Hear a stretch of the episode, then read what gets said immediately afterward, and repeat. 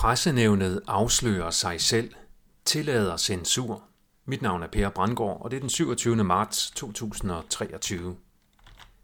Jeg har i dag modtaget svar fra pressenævnet på min klage over Jyllandspostens udøvelse af personcensur. Jeg fortolker pressenævnets svar således, at pressenævnet tillader politisk motiveret personcensur af eksperter. Pressenævnet undskylder sig med, at de ikke kan behandle min klage, da jeg ikke er omtalt i artiklen, hvilket jo netop er essensen i personcensur efter cancel-modellen. Det fremgår også af pressenævnets svar, at mediet kan udøve censur via, og jeg citerer, princippet om redaktørens redigeringsret. Citat slut.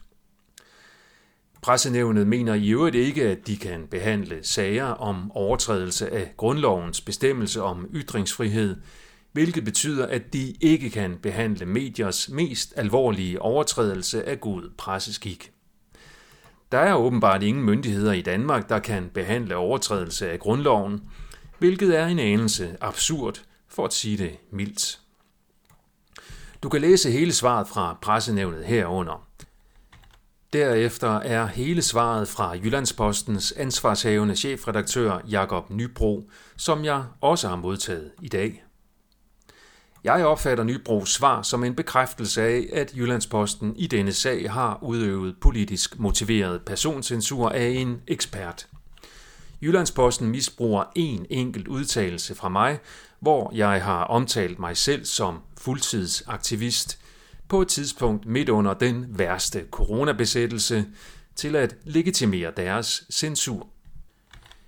Men lad os da fra nu af holde Jyllandsposten oppe på deres ædle princip om, at de kun bruger, og jeg citerer, uhildede, citat slut, eksperter, der, og jeg citerer, videreformidler viden uden bevidst eller ubevidst at videre kolportere værdibaserede holdninger i samme ombæring, citat slut.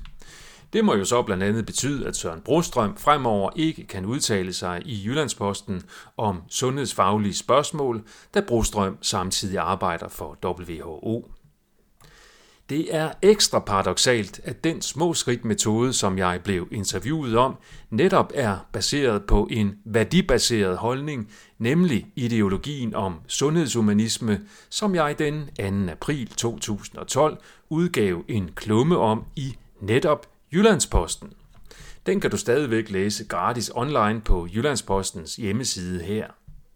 Jyllandsposten har således i hvert fald siden 2012 vidst, at jeg både var ernæringsekspert og aktivist for humanisme og siden også liberalisme i sundhed.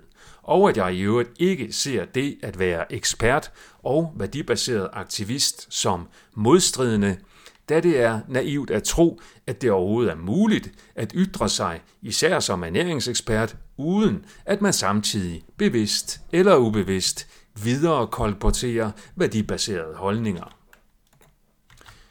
Tilbage til pressenævnet, der på deres hjemmeside betegner sig selv som, og jeg citerer, et offentligt uafhængigt nævn. Citat slut.